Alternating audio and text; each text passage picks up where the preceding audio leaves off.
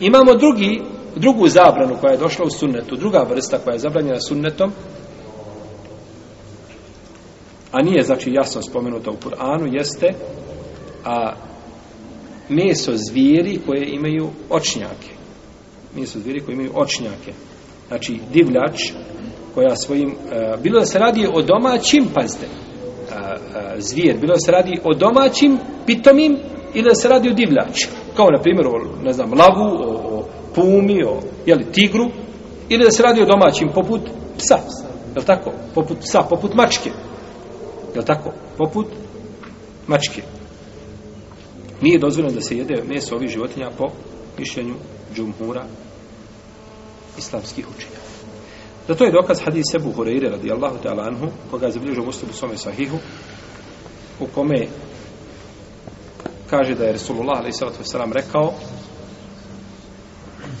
a svaka životinja koja ima očnjake divljač koja ima očnjake a zabranjena je za jelo. I došlo od Ibn Abbasa kod muslima i kod Ebu Davuda da je poslanik sa osaname zabranio da se znači, konzumira meso divljači koji imaju očnjake i ptica koje imaju kanđe.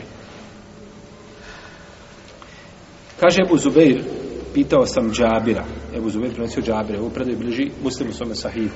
Ebu Zubeir od Džabira kada prenosi takvih predaja, takvih verzija hadisa nemamo kod, kod prosti, ja sam rekao kod da bilježi? Muslim Buharije. Muslim.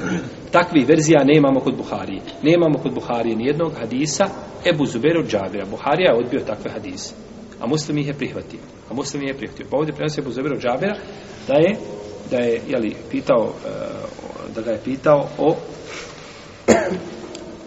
o protuvrijednosti a, psa o cijeni, znači psa koja se plaća, protuvrijednost i mačke. Pa je rekao, zabranio je to poslanik, sallallahu alaihi wa alaihi wa sallam.